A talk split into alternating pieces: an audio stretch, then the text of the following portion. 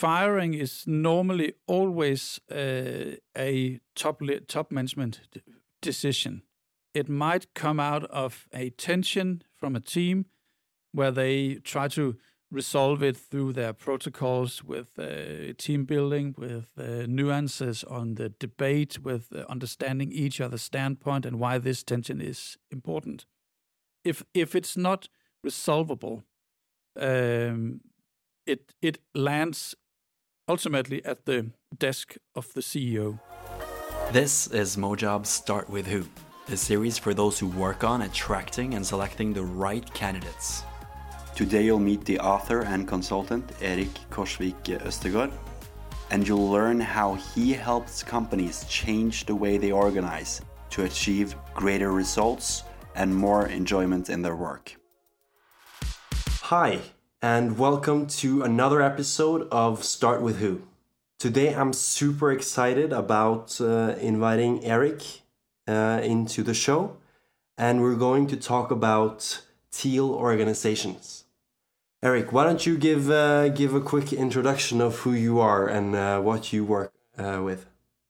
Sure, Tobias. I'm I'm so happy to be part of your your podcast. My name is Erik Korsvik Østergaard, and I'm from Denmark. Actually, my my grandma is from Kristiansand, so my my middle name is uh, is from from Norway. I am uh, I'm 46, and I'm an engineer by training. And uh, for the past six years, I have been working. Uh, we founded uh, our consultancy uh, house or agency that only focuses on the future of work. We look 10, 15, 25 years into the future and try to understand what kind of trends that we are looking into, and most of all, how they affect today's modern life, what it does to our organizations, the mindset, the skill set, the innovation power, all of that. And um, something that I touched upon, and maybe I have even lived it for the past 15, 20 years without knowing is, is the teal organization or the self living organization kind of work. So uh, I have, without knowing it, been li- living that and have struggled with actually finding my way around it from toolings and mindset and examples.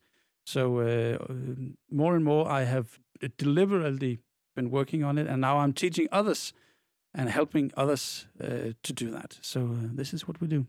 And you also do that through your podcast, and um, also written a, a, couple of books on the subject. True, two books uh, is out there already. Uh, the first one is about uh, the whole transformation uh, from the old to the new style, covering most of the leadership mindset.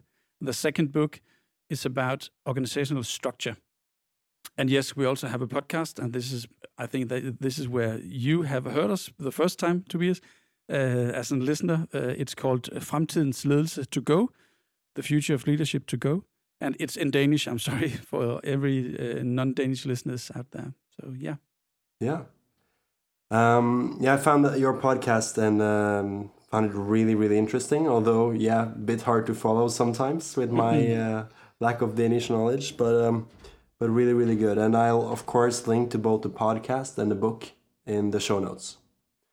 So, I'm, I think um, uh, for me, I've read a bit about the teal organizations as you briefly um, introduced uh, here.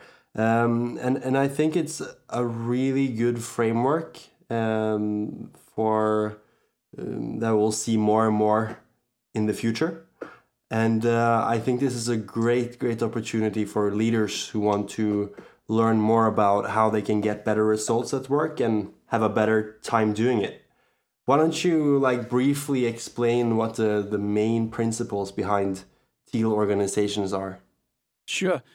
Actually, teal is just one example of a family of organizational structures that uh, are new and in in in opposite of the tradi- traditional Tayloristic uh, hierarchy. And and we need to, to understand how this family uh, comes into play. I call it the SALT family because uh, it, it's four four letters S A L N T. S for sociocracy, L for uh, uh, sorry A for agile, L for lean startup, and T for Teal. And all of these four are actually based on organizational democracy.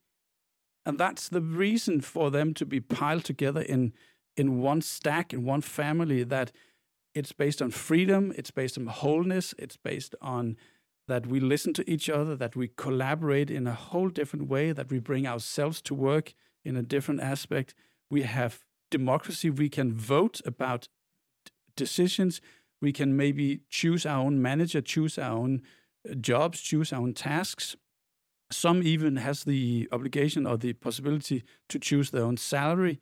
So under that framework of organizational democracy, several types exist, but they are all they're all based on a true respect for the human being in a business setting. And Teal is one of those that has uh, it well it has been made popular by Frederic Laloux, and the the color scheme that he uh, not invented but he made popular is uh, consists of five colors: uh, red, amber, orange, green, and teal. And actually, he was inspired by spiral dynamics uh, prior to that. So, all these colors are names of cultures, types of culture that can exist in an organization. The most classical uh, is orange, which is an organizational type that we see everywhere. All our big corporates uh, are built upon that with nice structures, nice hierarchies, processes, SOPs and and uh, decision making and steering committees, and it works. Do not underestimate the power of the Orange organization because it really works. It's a good answer to the challenge that came out of the Tayloristic thinking. But now, with the uh, with the technology that is roaring around us, and with the sociology that is changing, also with the with the focus on the on climate and on new generations coming in, uh, it's a good idea to think about new ways of tackling a constantly changing world. And that is where new structures like sociocracy, agile, lean startup, and teal comes into play, which are based on dynamics, which are based on collaboration, change, adaptability. And that's the reason for looking towards teal uh, in an in an orange world, or teal in the corporate world. So, what what what is the um, um, typical examples of uh, teal organizations that we can see today? The place where we see the most teal organizations are in the IT startup community. This is actually where where we see them very very often. Small scale up entities, small teams, maybe five, maybe seven employees who have flocked together to create some kind of kind of software product and they are they are they by themselves the way that they have been brought up through the 90s the zeros the, the 10th how they work with technology and a shifting technology landscape makes it easier for them to work in a shifting organizational landscape. And that's why we see something like agile pop up and and they tend to work within the teal framework. So it's it's often in IT it's often in startup or scale up and it's often with very small organizations, five, maybe 10 employees. That's where we see it often. If you look for it in the in the big organizations, if you have like like a bank with 1000 employees or 10,000 employees, it's very hard to see that as a teal organization. And that's that's why we instead look for teal organisms or teal teams within the big bank.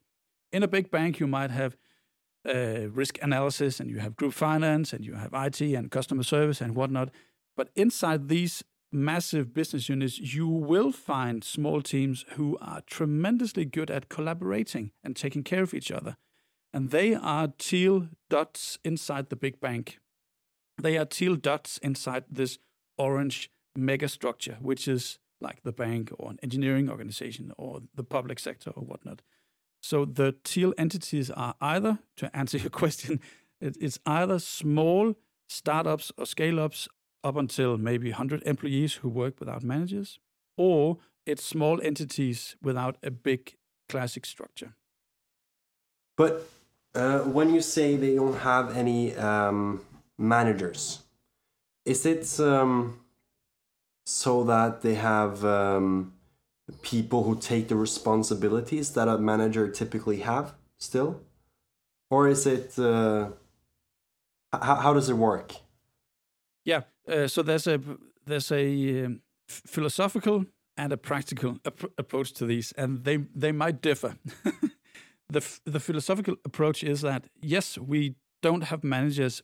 Every every decision, every responsibility is uh, is handled by vote or by or controlled by the overall purpose that we have. So we don't have a boss; we have a purpose.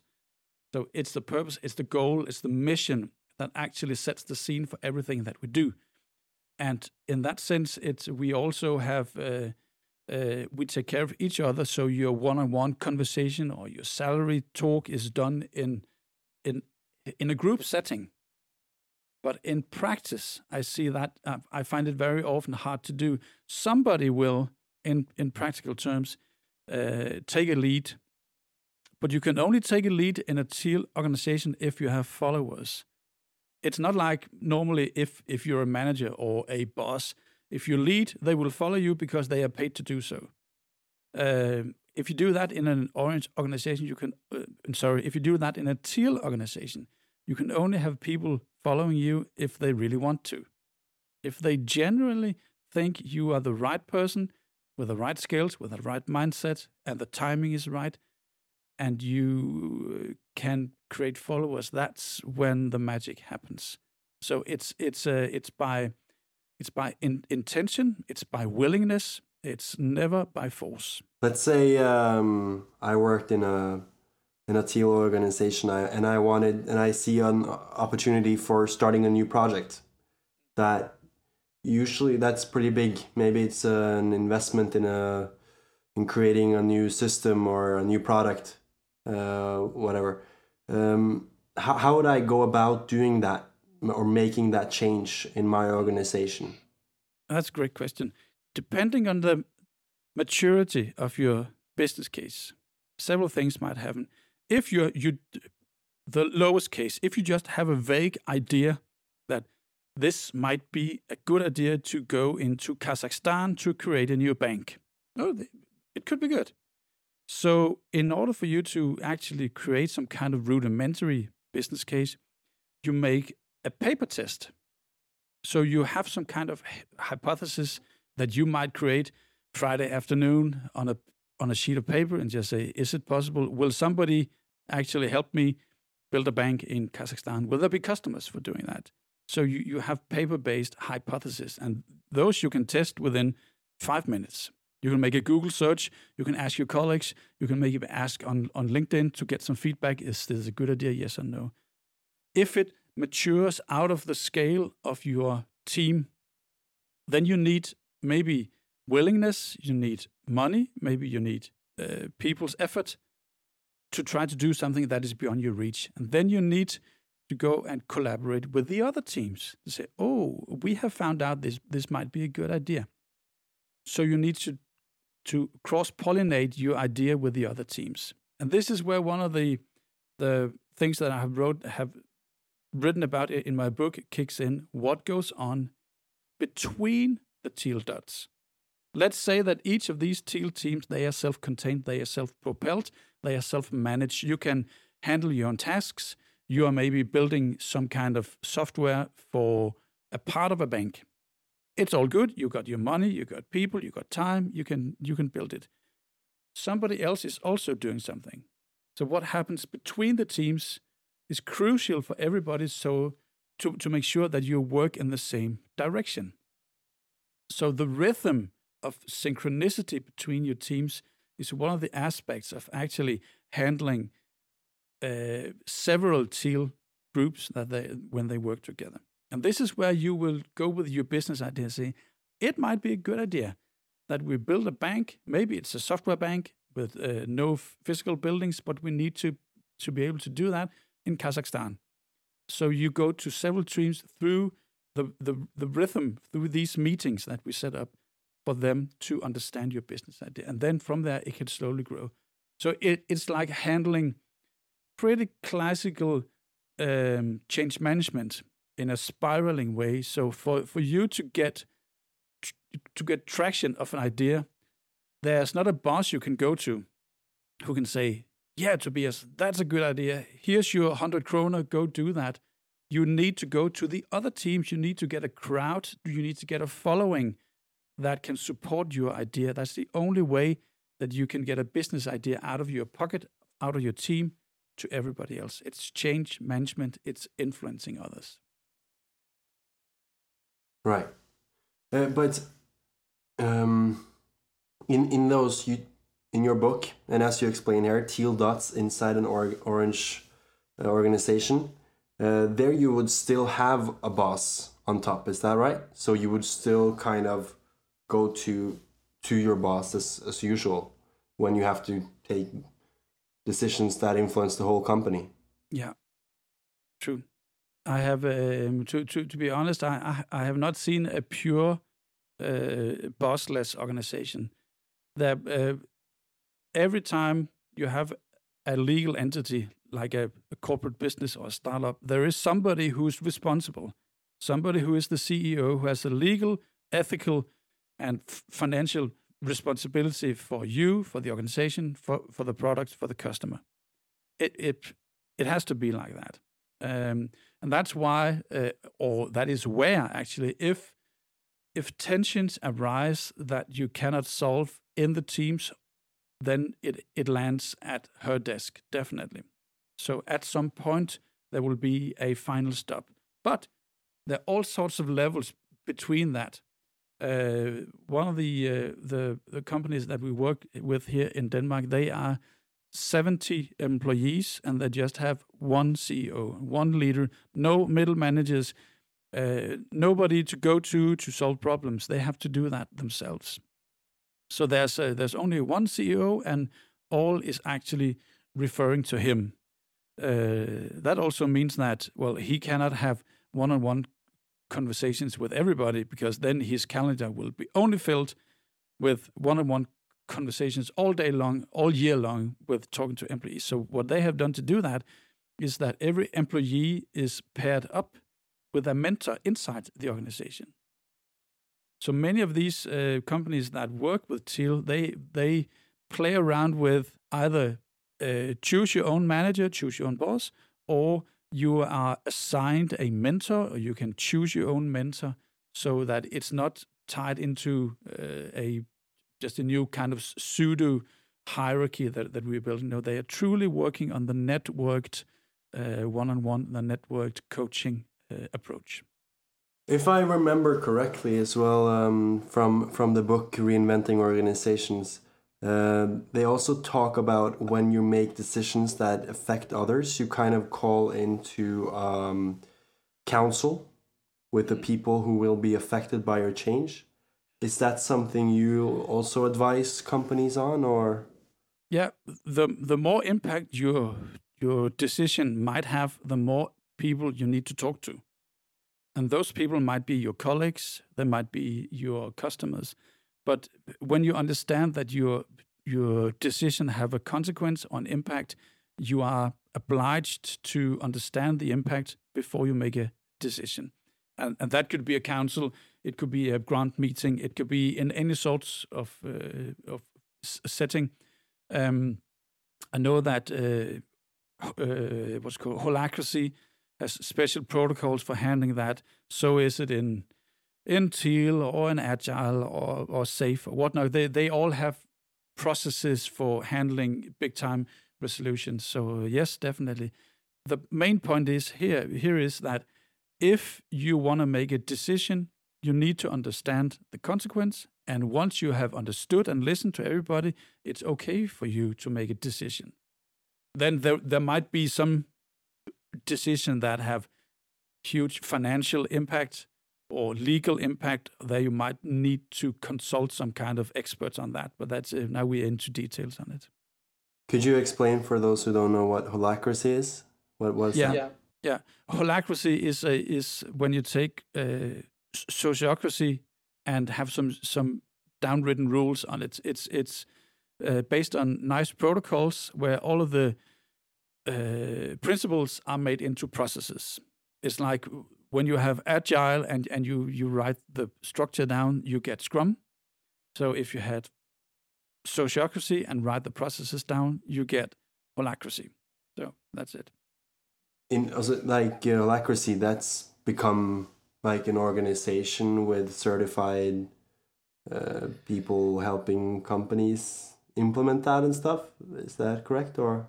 So holacracy is um, it's the it's a kind of structure, kind of uh, mental approach to teams based on circles. That is small teams, and in each of these circles, you have some roles like a leader or a secretary and stuff like that. So it's um, it's a a way of looking at your organization, and uh, you can actually be uh, be um, certified in coaching people in it. So uh, uh it's it's both a methodology and it's a an approach to teaching others how to do it. For those, as you said, you haven't seen many companies who are like all teal or like going all in for this, but you see a lot of teal dots, as you say. Uh. And those companies who embrace um, these new methods, what results do you usually see that they have compared to companies that don't? Great question. Uh, results from doing that uh, comes um, within two years actually. It, it takes quite some time for the true results to get there. But um, you can see uh, lower sickness. People tend to get less sick. You can see uh, happier or more engaged employees because they are part of shaping how they want to work you see uh, fewer people leaving the organization, uh, and you also see um, uh, less people taking um, a cheating day off, where they they they they phone in and say, "Oh, I'm sick," where they're really not sick. So they they they tend to show up for work more oftenly.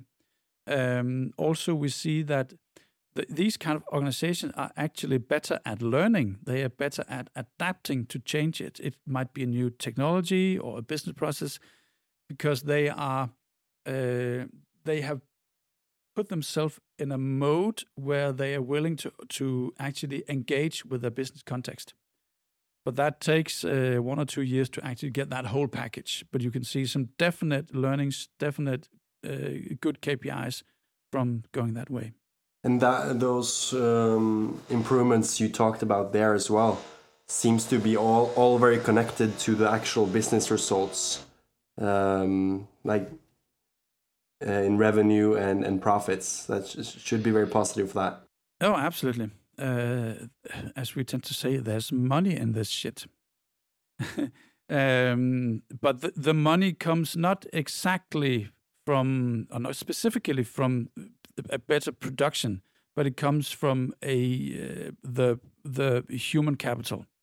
That's uh, that's where the the revenue stream is is clearest.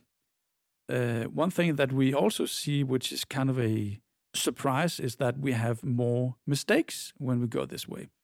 But maybe it's because now we dare talk about them. May, maybe they were there in the old way also. We, we just tend to hide them we don't talk about the mistakes. But now in the teal setting, we focus so much on relationship that it's okay to talk about mistakes, fuck ups, errors, learning moments. And so we, one of the SVPs that we worked with, she said that now I, uh, uh, I have never seen so many mistakes before. Now we are better equipped to talk about them and we're better equipped to handle them before they tend to grow big. I think that's great. Hmm, that's a really good point. And um, uh, what are the common pitfalls you see organizations that venture into this um, teal styled organizational form? What, what, pitfalls do they fall into?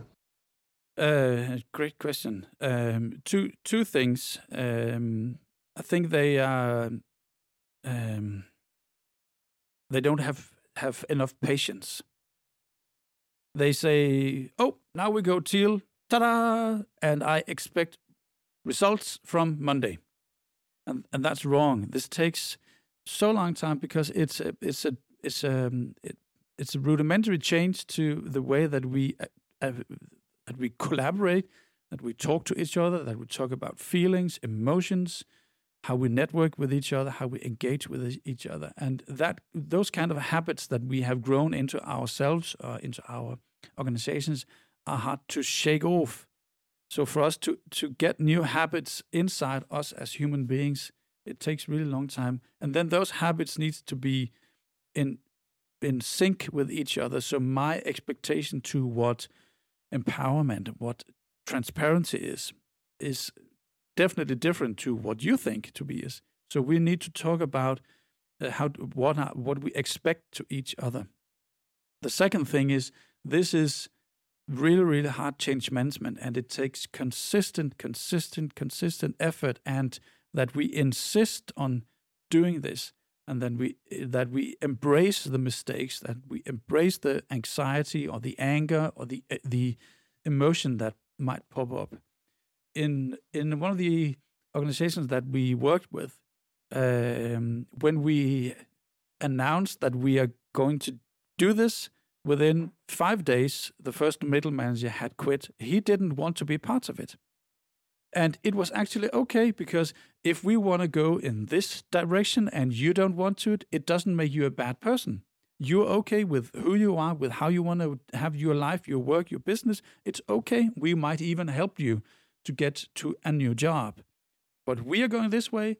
So when you when we do that, we need to be very clear on why we do it, how we do it, what we expect from each other, what kind of emotions that we talk about.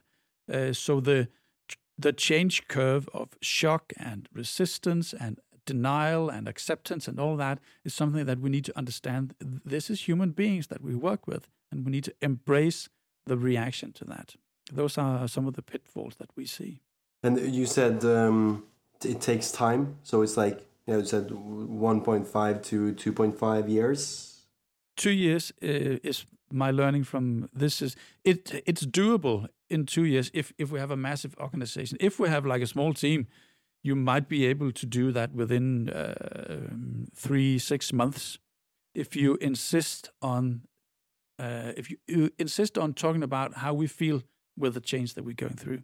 If we look at organizations that are more like pure um, pure teal, or uh, what, how do they solve like the traditional processes like recruitment or firing or yeah firing is normally always uh, a top top management decision it might come out of a tension from a team where they try to resolve it through their protocols with uh, team building, with uh, nuances on the debate, with uh, understanding each other's standpoint and why this tension is important.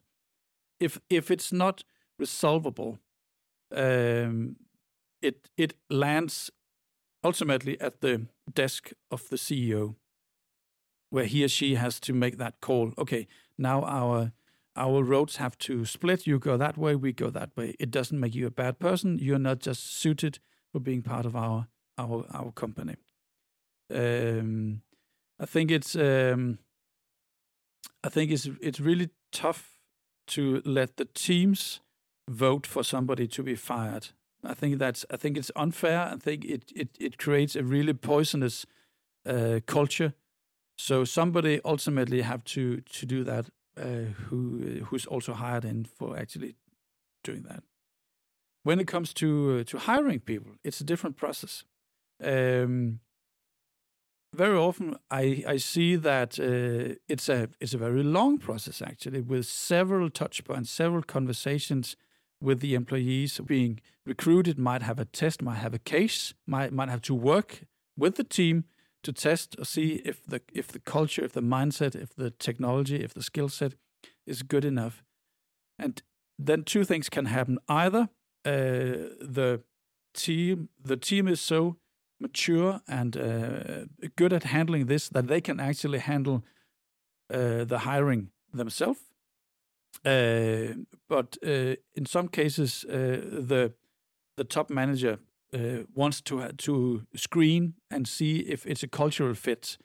Um, so it might end there. But it's a both uh, both hiring and, and firing is um, is something that, that takes time. It's uh, it's something that we you need to be damn sure uh, that the one that you're getting in has the right culture, and you need to be damn sure that the one that you are leaving uh, uh, that that you take care of him uh, or her in the right way also. Is it? Um, I think in the in the book um, reinventing organizations, they also talk about how one as a team can start like um, firing people, but but it seems like also there that they admit that it's pretty hard, and uh, yeah. and but that usually one agrees. Um, it's a uh, it goes so the the the person who might be fired actually agrees to quit before mm. they get to like the um, the CEO is that your experience too, or? Uh, no, actually not. Um, I, if I recall correctly, uh, Morningstar has that that kind of process or something for that. Um, they also have a a, a pretty changing uh, number of employees depending on what kind of season they're in, because they are they are a tomato company. So when they're high season, they hire more people in, and then they have a core uh, uh, team so they also have uh, their their their growth and their, their fluctuation is pretty high over the year. So they need to hire in very many people for specific or for for for specific tasks. Uh, so it might be easier for them. I don't know, but it might be easier for them to let the teams actually do the hiring, firing, and, and because it's it's more clear what they are are there for. Um, the organization that I work with, they uh, they very rarely, or I would say never, let the final uh, decision be up to uh, the team. It's it it lands in the hands of the CEO in some way. Um, maybe the an employee that finds that he or she is uh, in the wrong position uh, actually makes the decision to quit before he or she is being fired. Um, I, I, don't have enough data for that uh, to actually be right or wrong, but um, I think it it could happen if the employee is very self-aware or self or self-aware of the culture in the team. I think that's a that's a, a reason for it. Interesting. And uh, um, starting to to wrap up a bit here like uh, if uh, if people are interested and want to learn more about uh, the subject uh, what resources do you recommend and what companies or people do you recommend looking into to to learn more are there also any scandinavian uh, organizations that one can can look to mm -hmm. Yeah to to answer your last question first um, I I've been focusing mostly on the on the Danish scene, but I know there's a Finnish organization uh, called Vincit uh, that works in this way. They are a really really uh, interesting organization, and they have, for example, they they tried to rebuild all their group functions as group services. They have torn down all group functions and only rebuild those services that the teams request I think is a really, really brave way of looking at it. Then there's uh, in Norway there's uh, S-Banken that I would uh, look towards. Uh, in Denmark, there's an organization called Pengala. They are 70 employees just with one uh, uh, one manager. There's also TrustWorks, same kind of structure. In Denmark, the uh, the Microsoft department in Denmark is actually pretty progressive when it comes to this. Um, in uh, Danske Bank in uh, in in in Copenhagen. There's a uh, business unit that uh, works with risk models, and they have embraced quite a lot. Maybe not all, but quite a lot of these uh, these thinking. Actually, today I'm going in and working with them. It's really interesting. They have just performed a reorganization, and I'm going to to help them later today. Many of the organizations that flirt with this they are uh, based in the Western uh, economy, maybe Scandinavia, UK. Uh, they are Dutch, some in Romania, a few in Germany, but there are many in Switzerland, and there there are some uh, Dutch in US uh, and some in Mexico also. And and actually, I'm going to travel to Singapore, to Shanghai and Hong Kong in May to study them over there to see uh, what's going on there because um, it's re really interesting to see such a massive uh, business world like Hong Kong and Shanghai how they they embrace new ways of working. Resources. Um, oh, there are, there are many great books that try to explore this. Um, there's the, uh, the, the two Dutch guys, uh, Corporate Rebels. They just uh, published a new book uh, Happy Henry in UK has uh, published the Happy Manifesto. Um, uh, Frederic Laloux, of course, with Reinventing Organizations. My own book, Teal Dots in an Orange World, is also an introduction and a, a explanation of how to look at this. Uh, there are a handful of books on sociocracy. One is called Many Voices, One Song.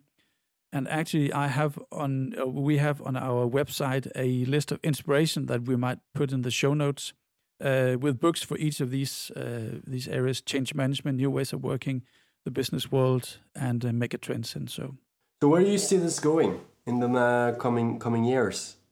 Like, where are we in twenty years with this? Um, I do believe that that uh, uh, this is a trend that's here to stay. I think um, one of the things that that has been surfacing over the past uh, uh 15, 20 years is the psychology of going to work. And one of the things that uh, that people tend to see is that teams get smaller and smaller and smaller. Um, that corporate collaboration as a massive gears and cogs uh, metaphor is going away and being substituted by small entities of maybe five employees or maybe uh, five teams of five employees.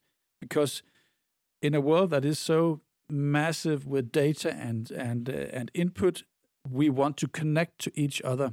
And when we connect so in, intensely we end up in interaction fatigue and that's why teams get smaller and smaller. We need, or we will build small teams where we can actually connect to each other. Larger team that that will naturally break into several small parts. So it, instead of forcing these big teams together, we go with the dynamics of team that will break into small parts and say, okay, so if small parts is the way that we work as human beings, then that's what we base our organizational structure on. So we're we're going to see many small entities, and we're going to see those small entities live in an ecosystem that we might call an organization, we might call a bank or Google or whatnot. So we, it's going to be small teams in massive entities. A very very interesting uh, topic and uh, very well presented. I sure learned a lot. It was a pretty uh, I was pretty interested in just having this chat for my own sake. So I'm glad I get to share it with uh, more people. Um, is it okay for you if we leave your contact information, your email in, in the show notes as well so people can reach out? Reach out? Absolutely. Please do that. I'm the only one in the whole world called Erik Korsvik Østergaard, so I'm easy to Google. okay. All right, that's great. Thank you so much for coming on Start With Who. It was a pleasure having you here and um, best of luck going forward. Thank you. Cheers. Bye. Hei sann. Håper du lærte noe fra intervjuet der. Og om du har lyst til å lære mer om dette veldig spennende temaet, så har vi laga en e-bok som heter 'Rekruttering i 2019'. Eh, og du kan laste ned den e-boka helt gratis nå ved å trykke på linken i innlegget her. Lykke til.